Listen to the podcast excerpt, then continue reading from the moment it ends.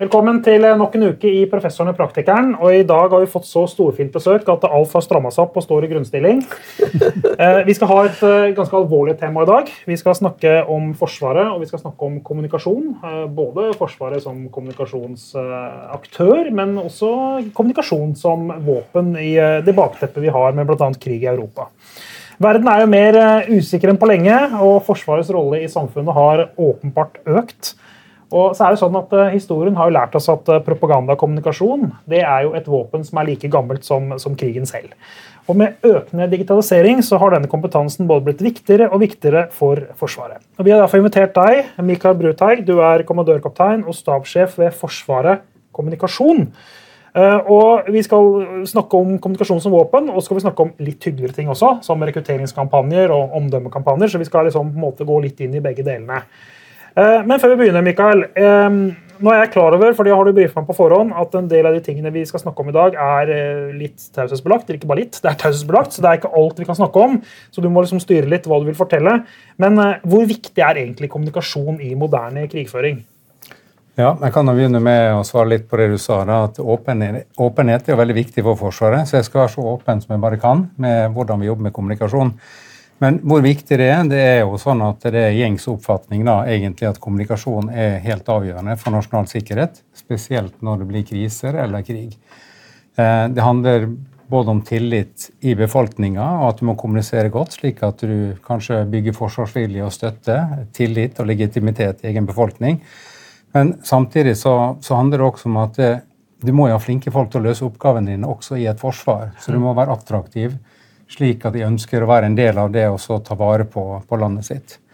Eh, og så er det, Hvis du ser på det internasjonale, så er det jo sånn at eh, Norge sin sikkerhetspolitikk er jo tufta på et Nato-medlemskap. Så Det betyr jo at kommunikasjon mellom landene, enten politisk eller militært eller i planlegging, det er jo sånn vi jobber. Det er jo det det handler om. Det At vi kommuniserer godt sammen, gjør at vi blir i stand til, dersom det er nødvendig, til å respondere riktig og på rett måte. Eh, så er det litt sånn at kommunikasjonen i seg sjøl blir jo utsatt. Den, den, blir jo også satt under press i slike situasjoner og blir, blir påvirka. Så ja, f.eks. etterretningsaktivitet eh, skjer for å skaffe seg informasjon, for å få et eller annet form for overtak. Eh, bare denne uka her så har jo både forsvarsministeren stått på talerstolen og snakka om situasjonen vi står i i dag. Eh, Politiets sikkerhetstjeneste i Finnmark og Troms har gått ut og egentlig vært ekstremt åpen med å mm. snakke om hvordan Russland driver etterretningstjeneste, ja. spesielt i Finnmark. Jeg leste at de snakket om å se opp for russiske skiløpere rundt Nato-øvelsen. Ja.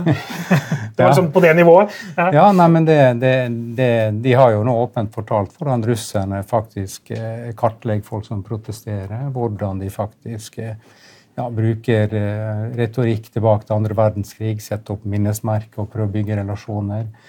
Eh, ja, hvordan eh, russere som da har familie i Russland, blir utsatt for press. Mm. Flyktninger fra Ukraina som skal passere grensa, mm. blir overvåka og kanskje sjekka telefoner på. Det er mange sånne praktiske eksempler som PST nå har gått åpent ut og, ja. fortalt. Altså det, og det har også noe med kommunikasjon i moderne krigføring å gjøre. Og, og nå har vi ikke kanskje kommet inn på det som er i ferd med å bli stort nå, da, som handler om desinformasjon og påvirkning og den type ting. da. Men det kan vi kanskje snakke litt mer om senere. Bare for å rydde litt, vi snakke om det, og så har jeg lyst til å rydde, spørre deg om noen begreper. For vi snakker om kommunikasjon, desinformasjon, propaganda. Mm. Hva er, hva er liksom forskjeller og ulikheter på de begrepene? Er det, er det litt avhengig av hva vi som ser, eller? Jeg tror det er veldig mange forskjellige definisjoner, da, men, eh, men, hvis vi snakker om kommunikasjon, så er jo det gjerne forbundet med positive fortegn. Ja. Det er gjerne noe dialog, det er åpenhet, man kan utfordre hverandre og ha en samtale. Um, propaganda, i hvert fall sånn som i mitt vokabular, på en måte, så handler det litt mer at du prøver å påvirke.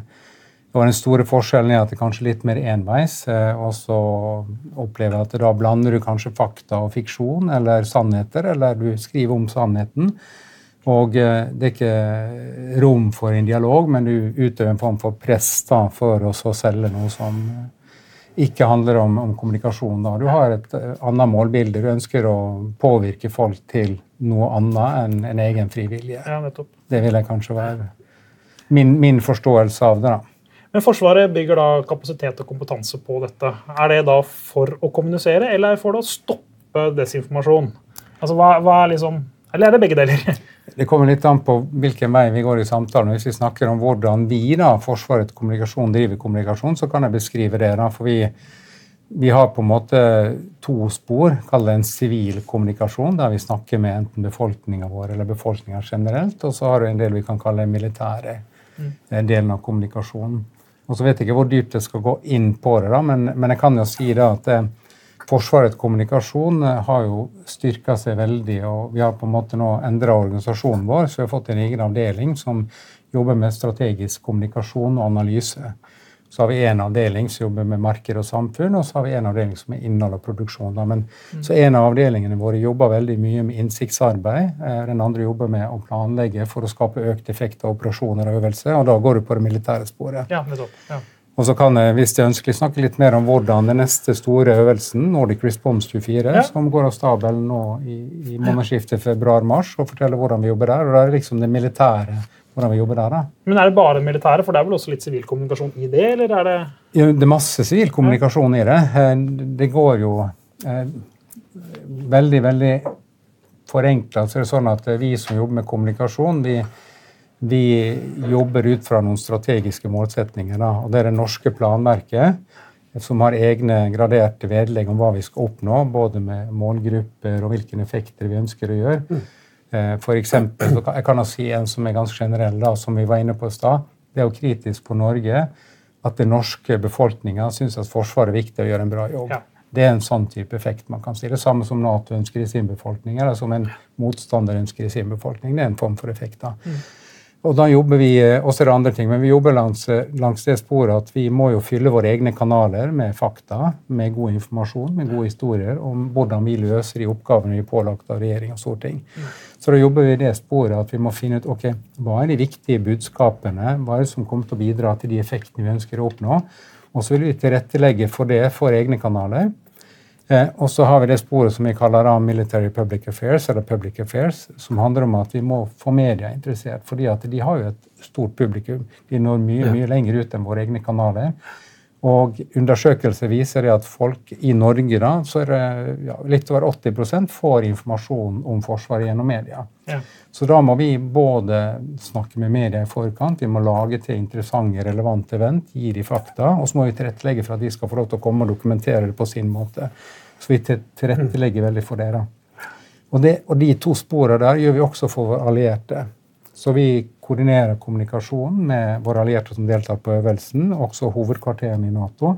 Så kan de komme inn, og så må vi da tilrettelegge alt fra logistikk til å få dem på rett plass til rett tid, sørge for at de har fakta, passe på at eh, det er sikkerhetsmessig klarert, den, sikkerheten for dem, men også operasjonssikkerheten, slik at de får tilgang, får tatt bilde, får intervjue folk, snakke med, med folk. da. Mm, så det er liksom de to av sporene. Så kommer et tredje spor som man kanskje ikke tenker så mye på. Det det som vi kaller key leader engagement. Eh, sånne store øvelser er gjerne en plattform for nøkkelpersoner til å formidle budskap. Eh, F.eks. For den forrige store øvelsen i 22 så, så, var Jens Stoltenberg som generalsekretær for Nato han besøkte øvelsen da og, og kommuniserte og kom med sine budskap og statement rundt mm. det. Mm, politiske budskap, ja. ja. Ben Wallace, den, den britiske nei, forsvarsministeren, var der. nå, så man vil tilrettelegge for den type arena. Det får jo også oppmerksomhet og trekker også media. Mm, ja. Så det er liksom det, da. Og så, ligger det jo også sånn at eh, vi vet jo at eh, aktørene rundt oss de følger jo med. De ser hva vi gjør. Eh, de ser på media, og så har de også andre sensorer. og I stad snakka vi om etterretning også. Mm. Veldig ofte når vi har øvelser, så er det bl.a. russiske fartøy som har også en eller annen form for aktivitet ikke langt unna. Der de, der de. Så det er liksom den militære delen da, rundt dette her. da. Så, Men uh, hvordan, uh, altså Hvis man tenker uh, For å gå inn på litt annen tematikk rundt ja. dette her, da. Altså, vi, vi, vi, vi, skjønner jo alle, alle vet jo på en eller annen måte så, så vet vi at det, det, er noe fiendtlig kommunikasjon som forsøker å påvirke nordmenn også. Det, I hvert fall så har vi sett diskusjoner på påvirkende amerikanske valg, og det er mange debatter rundt dette her. Mm. Hvordan kan man liksom hvordan bidrar Forsvaret til å verne befolkningen på det? da? Det liksom, hvordan bruker man motkommunikasjon? Jeg vet ikke om det er et ord. Gjør man det? Nei, det er jo ja, du kan også si det at det er, det er det er et område som er ganske nytt. da. Desinformasjon, da, eller eh, falsk informasjon, eller uriktig informasjon, det har jo vært der siden tidens morgen. Det har jo vært en del av krigføring eller konflikt eller for å skape støtte eller ta bort støtte. Eh, det som er spesielt nå, at eh, teknologien har en rivende utvikling, og så har vi sosiale medier. Så det betyr det at det, dette her blir kanskje et viktigere og viktigere instrument for de som da ønsker å påvirke ting. Mm. Eh, hvis, vi, eh, hvis, vi, ser på Jeg husker ikke helt navnet på rapporten, men EU har vel definert da at desinformasjon eller påvirkningskampanjer er kanskje den største trusselen mot demokratien i Europa mm. i 2024. Yes. Eh, og Hvis vi da tenker på bruk av kunstig intelligent, hvordan du bruker deepfake og kan få mennesker til å fremstå som at de sier noe de aldri har sagt, eh, hvordan du kan få historier som har mye fakta i seg, til å få en dreining slik du vil, som gjør at det fremstår som fakta på en så troverdig måte sendt fra en avsender, eh, til det at du faktisk får e-poster fra noen som har innsikt i hva du holder på med, og etterspør ting som gjør at du gir det fra deg. Det skjer jo mye svindel eller mye økonomisk kriminalitet, men, men, det er også en del av det bildet her. Da. Så du kan jo si at det aller, aller viktigste befolkninga, og vi kan gjøre det, og faktisk det å bygge på den tilliten vi har. altså Det å drive faktasjekk. også ikke, ja, Jeg bruker å si sunn fornuft satt i system. altså Det å stille spørsmål er det er jo min markedsfilosofi, men det er også en filosofi på en måte du kan bruke for å ja, ja, tenke hvordan du kan beskytte deg sjøl, eller du også kommunikasjonsmessig kan gjøre. Og her har jo her har jo kommunikasjonsbransjen en kjempeviktig rolle. Ja, for det skal jeg spørre deg om, altså, I slags sånn totalforsvarsperspektiv, da, eh, hva er den liksom, sivile bransjen kan bidra med? Kan man bidra med noe? Absolutt. Vi har jo hatt uh, i noen år nå faktisk.no, faktisk uh, eller faktisk som da faktasjekker sannheter og mm. sånt, som da mm. både ser på påstander som kommer fra egne, men også kanskje andre plasser og sånn. Så jeg tror veldig viktig det med etterrettelighet. da så alt ifra god journalistikk, god kildekritikk, at man faktisk kontrollerer at faktaene er sånn som det er, og at man er tydelig på at man gjør det. da.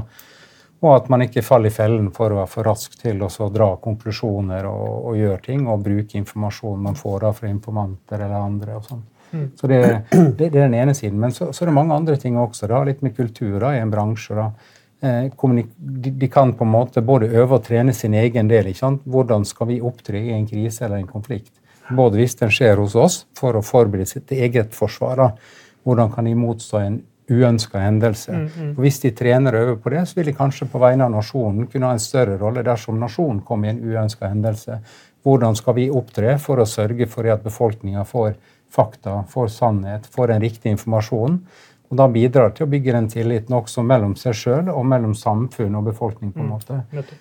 Eh, det er flere ting også, ikke bare øve sånn, men, men, i en gitt situasjon så vil jo kanskje Forsvaret og staten ha behov for de forskjellige aktørene til å ha en rolle. Mm. Til å skape den forsvarsevnen landet da trenger i en krise. Men vi har jo noe som ikke alle land har, da. Nemlig en presse som er nøytral, og som vi stoler på. Ja, har vi det? Ja, det må vi kunne si. Men NRK ja, men det, det, det, er jo et relevant spørsmål å stille i en situasjon. Jo, hvis du, ser, hvis du ser opp mot USA, da, som ja. uh, de som stemmer republikanerne, ser på Fox og Tucker Carlson, og de andre ser på CNN og ja. osv. Og, og de, det er helt nesten vant vanntette skott. Mm. jeg, jeg, er ikke uenig med deg. men Poenget mitt er at akkurat sånne spørsmål man kan stille seg i en sånn diskusjon. Da, jo, men jeg tenker sånn, sånn, Det er veldig vanskelig å beskytte seg mot uh, propaganda når du har noen som profitterer på det, sånn som man får inntrykk av, fordi vi vil komme til makta. ikke sant? Og Tucker Carlson, som er, som er i Moskva nå og intervjuer Putin. Uh, og Han snakker jo til sin menighet, og Putin får lov å snakke i vei. Og fordi det kommer gjennom Tucker Carlson, så tror de at det er sant. ikke sant? Og det problemet har ikke vi, vil jeg tro. Eller skal du få slippe, å si at eh, ja, du skulle bare visst? Eh, det kan jeg ikke si, men jeg vet jo det at det der er jo noen målinger som måler om forskjellige mediers omdømme og tillit i befolkninga. Så den, det er jo fasiten. Jeg sitter ikke på fasit, men det er det befolkninga forteller til undersøkelsen som er fasiten. Og da vet man jo at NRK skårer jo veldig sterkt mm. som en troverdig kilde til informasjon blant veldig veldig stor andel av befolkninga. Mm. Og så er det andre kanaler som har mindre troverdighet og kanskje har mer underholdningsverdi. for alt jeg vet. Da. Men sosiale medier er jo livsfarlige her. I forhold til å bli påvirka av noen som driver med propaganda da, og fake informasjon. Ja, da, og, og, og, da kommer man fort tilbake til det vi snakka om Stara, om kildekritikk og det også faktisk ja. Eh, Være åpen for nye ting eller åpne for andre ting, men samtidig ha et bevisst forhold til er det fakta eller er det fake. Men alle de som ser og lytter på dette, tenker jo at professoren og praktiker, i hvert fall. Det er 100% tillit. Skal det bare mangle. du, hvordan eh, dere i Forsvaret eh, dere ønsker jo å være åpne og transparente. Mm. og Samtidig så er det i sakens natur at det er virksomhet som er mer lukket og konfidensiell. Hvordan klarer dere å balansere det sånn kommunikasjonsmessig? da? Er det vanskelig? Jeg syns ikke, ikke, det er vanskelig for Forsvaret. og sånt. Og, eh, så vidt jeg husker, da, så er generelt sett det norske folk fornøyd med den åpenheten Forsvaret har. Eh, på den operative siden så har vi jo det som er begrensede dokumenter knytta til planverk. Og det tenker nok folk flest sånn må det være. For vi skal ikke avsløre hvordan vi skal forsvare oss. Vi kan ikke gi fra oss eh, det overtaket vi har på vår egen grunn. Eh, så, så, og der er jo graderinger, så det er jo veldig enkelt på en måte. Eh, på, Kall det på det sivile sporet, så kan det være litt mer komplisert. da, fordi vi er veldig åpne med hva vi gjør og hvordan vi løser oppgaven vår så lenge det ikke er gradert. Men samtidig så skjer det at man kommer i situasjoner der ting er knytta til personellsikkerhet eller personellsaker eller, eller GDPR, da, som har vært i, ja. veldig viktig de siste årene. og sånn. Så jeg opplever ikke at vi har noe veldig problemer knytta til sånn generell åpenhet. Ellers så blir det veldig regulert av lovverk. da, egentlig. Ja, for Det er jo liksom sakens natur også, at Hvis vi ønsker å ha et demokrati og et fritt samfunn, så, så må man også ha et forsvar som er så åpent som man kan. Hvis ikke så vil det være litt spesielt. liksom. Ja. Det, det, det vi ønsker jo ikke en stat i staten, for da har vi et større problem enn eh, noen andre land. for sånn. Nei, vi men vi er veldig opptatt av åpenhet, og vi har jo veldig mye innsynssaker mot oss på hvordan vi jobber, hvordan vi bruker pengene våre, mm. eh, ting rundt det. Og det meste kan vi dele, og så er det noe som vi ikke kan dele. For, mm. Men da er det lovverk som tilsier at vi har ikke lov til å dele det. Og det mm. virker som folk har har, eh, har, respekt for og syns det er helt greit. I hvert fall det som jeg kan huske fra undersøkelsen vår. For vi spør nemlig om det i det vi kaller innbyggerundersøkelsen vår. da, etter, etter svarene og sånt. Så, ja. Men jeg vil jo tippe at um, både relevansen til Forsvaret og respekten for Forsvaret og viktigheten til Forsvaret må ha økt kraftig i, altså Folks oppfatning må ha blitt eh, økt kraftig de siste tre årene? Eller siden Russland invaderte Ukraina? Um, ja, det, og, det, og, det, har jo svingt litt de, de siste 10-15 årene. Men, men, hvis vi går tilbake 10-15 år, så var vi ikke like relevante. Da, da er vi litt på sånn gamle spor. Hvordan fikk vi Forsvaret mer relevant? Og så har det skjedd veldig mye. Men, eh, men eh, det profesjonelle arbeidet med kommunikasjon og markedskommunikasjon har vært et veldig, veldig viktig bidrag til det. Fordi at vi har kommet inn på radaren til folk, slik at vi har blitt relevante fordi vi ønsker å være relevant for, som det er viktig for. Og så har det også vært noen andre store milepæler eh, på positiv måte, det med allmenn verneplikt. Mm. At eh, både jenter og gutter nå er en del av verneplikten. Eh, og det gjør jo at eh, vi ikke velger blant bare én halvdel, men vi kan velge blant hele. Det er kjempeviktig. Og der er jo utfordringa dessverre at det er flere som vil gjøre tjeneste, enn de som faktisk får anledning til det. Og så gir de også veldig gode tilbakemeldinger da, av den tjenesten de gjør. De er fornøyd. Men det er jo fantastisk å komme dit, da. For det, da jeg ble kalt inn i Forsvaret, så var det jo ganske mange som ikke ville det. Og at du nå har flere som vil enn som det er plass til, det er jo helt Er ikke det fantastisk, da? Jo, det, det er det. Eh, Helt klart. Ja. Sorry, ja. Det å få kvinner inn må jo øke relevansen. Altså, vi er mange, vi er helften, som sang ikke sant, en gang i tiden. Altså, det er jo det å få kvinner inn det, i mye større grad. Det må jo øke relevansen for totalsamfunnet. Vil jeg tippe, da, i stor grad. Ja, det, det, gjør det jo, fordi at da er det jo dobbelt så mange som må forholde seg til det rent fysisk. Og så er det enda flere også foreldre og foresatte som gjør det. så du da får du liksom den ringer i vannet. Dobling, at, eh, ja, ikke bare en dobling, men du får ikke sant, det er flere generasjoner. Ja, så for hver generasjon, for du har foreldre, besteforeldre, du har søsken, du har slektninger. Så du får, du får en ringer i vannet-effekten på en måte i forhold til relevansen i forhold til at det, det fysisk angår det. da. Men som rent faktisk, hvordan står det til med omdømmet til Forsvaret nå? Ja, det er jo Du sier du har svingt litt i åra som har gått? Ja. Nå, hvis vi hopper langt tilbake, så husker jeg at utgangspunktet når vi begynte å jobbe med omdømmekommunikasjon profesjonelt, så, så, husker jeg at vi hadde en undersøkelse. Nå husker jeg ikke helt hvor den kom fra, men uh, en kollega av meg han, han lagde en rull for å vise dette. her nå, Så rulla den utover et langt bord, og den falt jo over kanten på bordet og ned. og så lå langt bort på gulvet. Så tror jeg Forsvaret og forsvarssektoren lå på rundt 80.-plass av sånne så Det var veldig, sto egentlig veldig dårlig til. Man hadde ikke eh, veldig godt omdømme. Og så har vi da gjennom eh, mange, mange forskjellige ting eh, klart oss å få omdømmet til å bli bedre, så folks inntrykk har, har blitt bedre. Og så varierer det litt hvilket område man snakker om. da. Men sånn generelt nå så er litt sånn eh, ca. syv av ti har et generelt godt inntrykk av Forsvaret. Ja. Eh, og så kommer det an på Spør vi om hvordan økonomien forvaltes, spør man hvordan, hvem som vil anbefale folk til tjeneste, eller hvordan, ja, hvordan Norge, eh, Norge, Forsvarets evne til å forsvare Norge enten alene eller som en del av Nato, så er det forskjellige tall. Det er ulike nyanser. da. Ja, men, men relevansen og viktigheten av et forsvar nå er, er på en måte all time high, og evnen til å forsvare landet og kalle det den norske sikkerhetspolitikken som en del av Nato, den er over 80% så den er all time high. Ja, Det er veldig høyt. Ja. Jeg tenker, det var, jeg husker, jeg husker ikke akkurat hvor lenge det er siden, om det er 10-12-15 år siden, så hadde dere en det jeg oppfatter som en liksom voldelig historisk kampanje da, med, Mm. med Gunnar Skjønsteby blant annet, som store printannonser og sånt. Nå. Uh, mitt inntrykk er at det er litt sånn før og etter det i ungdom og kommunikasjon, men jeg vet ikke om det er sant. Jo, eh, absolutt. Hvis vi tenker på hvordan vi drev med profesjonell markedskommunikasjon, så var det et skifte. Ja. Før det så jobba vi veldig mye taktisk. Da hadde vi unnskyld, da hadde vi oppgave om å rekruttere til en eh, kontingent i utlandet. Så var det veldig målretta og sånne ting. Og vi hadde jo ikke budsjetter heller til det. Så, så da ble det sånn taktisk, taktisk, taktisk, taktisk. Og så eh, begynte vi da for eh, egentlig over 15 år siden og så jobbe målrettet. Dette, dette er ikke riktig måte å gjøre på. Vi må jobbe på en annen måte. Og, og da, da var vi jo et team som begynte å se på hva kan vi gjøre for oss å jobbe mer profesjonelt og begynne å jobbe en plattform. Vi må på en måte jobbe med merkevarebygging av Ja, Forsvaret. Så da kom merkevaretenkingen inn. Ja. Da kom totaliteten med å bygge en plattform, for så også kunne jobbe målretta og ta ut taktiske uttak basert på en plattform. Det, Dere begynte å jobbe strategisk.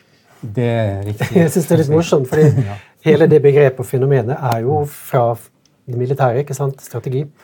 Så da, sirkelen var sluttet, liksom. Strategi, Ja, altså- markedsføring og så tilbake til Ja, men det er interessant. Det som du sier nå, syns jeg er superinteressant, fordi eh, Altså, dere begynte å tenke strategisk i forhold til også til kommunikasjon. Og det kaller du merkevarebygging. Nå må dere høre på de som ikke tror på strategi og markedskommunikasjon og merkevarebygging. For det er jo det dere har gjort. Dere har begynt å bygge Forsvaret som en merkevare. Så var, Det var jo veldig spennende også, da, for vi hadde jo kallet militærfaglig bakgrunn, men Ja. også de som var med, hadde jo også sivil kompetanse innenfor Ja, markedskommunikasjon. Så det var jo markedskommunikasjon sammen med militærkompetanse som dro det strategiarbeidet i gang for Forsvaret. Så det kom jo det kom det jo fra internt. Så det var, ikke, det var ikke en genial reklamemann som lagde det? Eh, Nei, men vi var veldig heldige som hadde veldig veldig flinke folk med oss i, fra byrå. Så det, Hvem var det? Vant dere ikke noen gullfisker og sånn òg? Nei, Det var noen sølvfisk, da, Sølvfisk men vi hadde vel, hadde vel noen andre plasser, kanskje. Men ja. det var jo eh, Erne som var byrået som vi starta opp med, så de, eh, det var det var en fantastisk gjeng å jobbe med. Som nå heter A-typ, for de som ikke vet. Ja. Men, men jeg husker jo da den reklamen kom. Mm. Eh, Jeg satt og så på TV med det budskapet for alt du har og alt du er.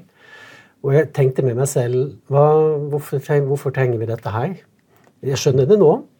og jeg tror det var veldig bra for dere at dere begynte med det, og ikke begynner med det nå. Altså, for nå er det mer sånn opplagt at det er klart vi trenger et forsvar. Bare se på hva som skjer. Men da var det sånn ja, men Hvis ikke vi er trygge her sånn, så har vi ingenting. Sant? Da er det, det er ikke noe gøy å bo her da, hvis vi vet at det kan skje noe når som helst, sånn som i enkelte land. Så betydningen av å ha et sterkt forsvar Det har jo til og med flertallet i Rødt er jo for Nato nå. Det er bare partiledelsen som ikke er det, nesten. Og det også sier jo veldig mye. Så, så det har vært et enormt sånn skift i forhold til at dere har blitt superrelevante. Altså. altså, dette er pri én altså, for et land, for politikerne. Ja, og det er som du sier også mange ytre faktorer. og Det er jo et, et annet, det er flere veiskiller, og sånt, men eh, februar 22 med krigen i Ukraina er jo et helt nytt veiskille også. sånn Ja, sett, Som gjør sant. både relevansen og viktigheten og fokus og oppmerksomheten. så det, Ikke minst politisk eh, ja.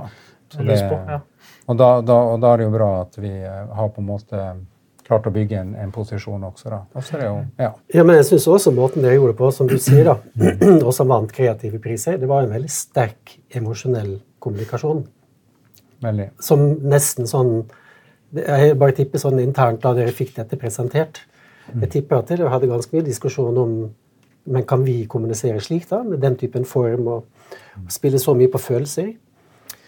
Eh, ikke i fagfolkene, eh, sånn sett. Og, og, vi gjorde jo ganske grundige tester, Ja. så dette var jo helt opp til forsvarssjefen. Og sånt, og vi gjorde ordentlig grundige tester eh, i befolkninga med fokusgrupper og sånt. og jeg tror faktisk før eh, filmen gikk på, før konseptet gått på, så hadde vi presentert det til i hvert fall mer enn 500 interne folk. Men det var mer fordi at vi var så entusiastiske, så vi begynte intern kommunikasjon. da, For intern kommunikasjon er jo kjempeviktig. Klart det. Det er jo, det er jo menneskene i organisasjonen som er viktigst for oss. Uten de så har vi ikke noe forsvar. Så det at, eh, og vi var både stolt og glad sjøl for det vi sammen med våre eksterne kunne lage. Og, og det ble også de ansatte. De ble stolte. Klart. Og, da, og det, det, det, det kan ikke undervurderes i kommunikasjonsarbeid. Du må, kan du få med de ansatte, så er nesten halve kampen vunnet. Men hva, altså, litt sånn i forlengelsen av det du sier nå, hva, hva er, er, Hvilke markeder er Forsvaret i? da? Eller kan man, Er det meningsfullt å bruke begrepet marked? i det hele tatt? Ja, eh, hvorfor ikke? Vi, Det ville vært kontrært andre steder å si, det, så kanskje Ja. ikke her. Ja. Nei, men eh, kommunikasjonen vår er jo til befolkning, enten det er Norge eller i utland. Eh, hvis vi skal eh, lykkes, så er vi jo avhengig av motiverte folk inn til tjeneste. Så vi må med 17-åringene. Eh, hvis vi skal få flinke folk som vil ta utdanning i Forsvaret, så må vi være attraktive på utdanningsmarkedet. Ja. Hvis vi skal få de flinkeste folk ansatt, så må vi jo drive med employer branding og være attraktive arbeidsgiver. Så da må vi jobbe på stillingsmarkedet. Så vi er jo på forskjellige sånne markeder. Og så kan du og så er det avhengig av målgruppen hvordan du definerer markedet. For du kan jo, du er ikke på fast consumer goods-markedet. Eh, Men du er kanskje på, på, på verdier og holdninger og kompetanse og utdanning. da. Ja, så BI er en konkurrent, da. Ja, det har vi uttalt flere ganger. Ja, nettopp. Ja, men det er jo det er, åpenbart. Ikke på alle markeder, men på noen. Ja, på noen, ja. Nei, men det er klart, når Forsvaret, de 16 000 et eller annet som jobber der øh, øh, Og jo flinkere de er, desto bedre blir Forsvaret. Så må du rekruttere de beste hodene. Da. Og da må det bli et attraktivt sted å ta utdanning. For dere tilbyr både utdanning og jobb, ikke sant? Ja. Det er ikke så mange som gjør. Nei, og det er ofte, det er ofte en litt sånn pakke, da. fordi at eh, For oss er jo verneplikt den viktigste rekrutteringsbrønnen. For det viser at de som har verneplikt, de konkurrerer så ofte til skoleplasser, for de vet hva de velger. Mm. Så det betyr at det å ha god kommunikasjon og god forståelse, det gjør at de velger seg videre, og det, det er viktig for oss. Samtidig så er vi også på andre markeder der vi konkurrerer med andre utdanninger, eller på jobbmarkedet. For vi vil jo gjerne ha utdanna folk inn til Forsvaret også. Det er ikke alle områder hensiktsmessig at vi skal utdanne. Det er ikke kosteffektivt. Det er mye mer bærekraftig at samfunnet gir de kompetanse, og så kan de jobbe i Forsvaret. Ikke bare i sivile stillinger, men også i enkelte militære stillinger. Så da kan vi bygge på med militærfaglig kompetanse, slik at de kan utøve Så Sjøkrigsskolen har ikke en egen linje for markedskommunikasjon. Nei, vi har ikke det. Så hvis vi skal utdanne folk innen markedskommunikasjon, så må vi eh, nå må vi per definisjon rekruttere folk som har tatt utdanning. Er sånn som du som har gjort det, i tillegg til Sjøkrigsskolen. Ja. Men hvordan skal du få disse ungdommene til å liksom, ville, Eller hvordan går det egentlig? Vil ungdommen ja. til Forsvaret, eller vil de til BI? Nå har ikke jeg oversikt over hvor mange som, som vil til BE og sånt, da, men eh, Ikke jeg heller, så det er greit. Eh, Men, eh, men i hvert fall så vil veldig mange inn til førstegangstjeneste, og det er ganske stor søknad på en del av de kampanjene vi har nå. Og eh, så, så med de målsettingene vi setter, som gjerne er ofte litt ambisiøse, så, så har vi veldig dyktige folk. Da, er mitt inntrykk at det er kø i døra, og ikke alle kommer inn. Eller Eh, På verneplikten er det sånn, og sånn er det på utdanning også. Og så finnes det jo selvfølgelig noen områder som det er veldig stor konkurranse om. Og det er folk som har veldig stor fordypning i matematikk og fysikk, typisk ingeniører og sånt, for der produseres det ikke nok ifra Nei, fra, fra bånn av, så er det mange flere større behov enn vi har folk som er interessert Men vil dette endre seg framover, eller med økte forsvarsbudsjetter? Vil vi ta flere inn til verneplikt? Vil liksom, på en måte... Jeg skulle gjerne, jeg skulle gjerne sagt at det, tøffere, liksom? Ja. jeg skulle gjerne sagt at det blir høyere budsjett, og at det blir enklere. Men da må vi se på årskullene. ja. Hvor stor årskull får vi faktisk inn? Og det er vel så vidt jeg husker nå, en nedgang i årskull. Mm. Så det blir færre å ta av sånn totalt sett. Og det er jo ikke bra for et samfunn. Så det, jeg vil jo tro at det, der gjøres det mye viktig og bra arbeid for å få folk til å studere og gjøre de riktige tingene og sånt. Men der ligger et samfunnsansvar tenker jeg, som ikke er vårt, på å se hva er det samfunnet totalt sett trenger, og tilrettelegge for at det er utdanning som matcher det jeg kaller AS Norge trenger. da. Ja, ikke. Vi, vi kan ikke utdanne for mange markedsførere og for lite ingeniører. Nei, nei, det, det, det, det er så vanskelig av og til å planlegge sånne ting, men du har rett i det. Ja. Men du, hvordan er det, dere Forsvaret er en stor organisasjon, eh, og det skjer jo negative ting innimellom. Eh, nå har jo forsvarssjefen vært ute litt sånn, det har vært en kampanje der i pressen om noe, visse hendelser der, uten å gå inn på det nå. Men Mm. hvordan påvirker sånne type hendelser, negative ting, hvordan påvirker det liksom ditt arbeid? Det, det påvirker eh, veldig, og det påvirker omdømmet vårt. og eh, det er, jo, det er jo litt sånn, Du, du snakker egentlig om varslingssaker, kanskje? Ja, eller, eller, jeg tenkte på den der medaljesaken Ja, medaljesaken, ja. Det, I Afghanistan. Um, Som har rulla godt i en, i en mediekanal over lang tid, egentlig. Ja, det, det, eh, Jeg har ikke lyst til å komme inn på sånn personlig ikke rundt, rundt, rundt akkurat de tingene. og sånt, Men det er klart det at det, eh, er jo ikke alltid alle forstår hvorfor ett eller to medier eh, driver og gjentar en sak opp igjen og opp igjen. eh, og den Det er ikke russisk desinformasjon, altså. eh, Jeg har ikke noe kjennskap, Nei, jeg har ikke noe kjennskap til det, men jeg føler, at, jeg føler at saken er mer personrettet enn organisasjonsrett organisasjonsrettet. Men, Mm. men eh, jeg tror folk flest i Forsvaret eh, ikke helt forstår hvorfor det skjer. da. Nei, skjønner. skjønner. Mens eh, hvis du Ja. Men la oss, mer generelt da, så, så tenker jeg mer på ting som skjer. det... Ja. ja når det Altså- gjelder de varslingssakene da, som, eh, som var inne på, så er det nok litt sånn at eh, Forsvaret har kanskje ikke hatt en god nok situasjonsforståelse for hva samfunnet krever av oss som organisasjon.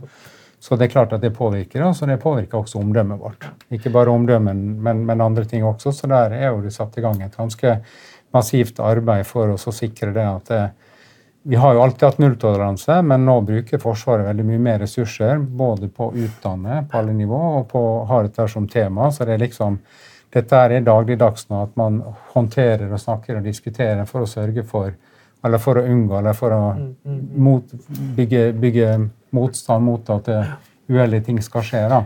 Jeg skal spørre på en litt sånn dummere dummere måte. for at Når sånne hendelser, da, uansett hvilken hendelse det er, så er det sånn spørsmål hvor mye reklamebudsjett uh, altså, Hjelper det noe med å lage kommunikasjon og reklame for Forsvaret når det liksom, hele pressen skriver om det? Um, min kompetanse innenfor markedskommunikasjon og min erfaring er det at eh, hvis man har bygd en posisjon og bygd et ganske sterkt omdømme, og, og opplevd som troverdig, og sånt, så vil du få en knekk hvis det skjer uønska hendelser. Helge Ingstad, fregatten vi Mista, Ja, typisk eksempel. Ja. Da falt omdømmet vårt. Men så, i løpet av et par år, fordi at vi er åpne, vi er ærlige, vi legger fram fakta, og vi fortsetter på en måte den strategien vi har valgt, så kommer vi tilbake. Eh, varslingssakene som nå kom for halvannet år siden, og sånne ting, også gjør en knekk. Eh, vi er ikke tilbake der vi var i forhold til det, og, eh, og det er fortsatt færre folk som anbefaler jentetjeneste nå enn bare var før varslingssakene.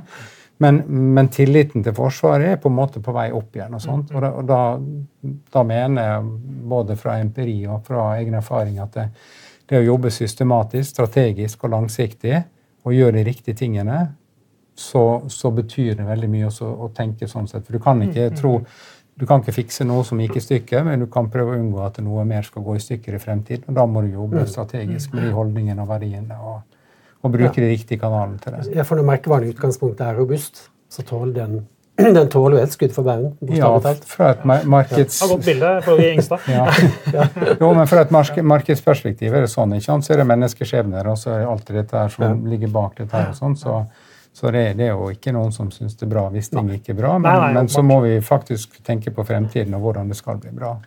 Nå På ettervinteren så skal dere ha en stor Nato-øvelse. Mhm. Eh, Eller dere, vi, alle, skal ha en stor Nato-øvelse oppe i Nord-Norge. Eh, Hva er planen da? Hva er kommunikasjonsplanen? Hva skal skje? Ja, Hvordan skal, vi, hvordan skal jeg oppleve den øvelsen som eh, menig norsk borger i, bosatt på Østlandet?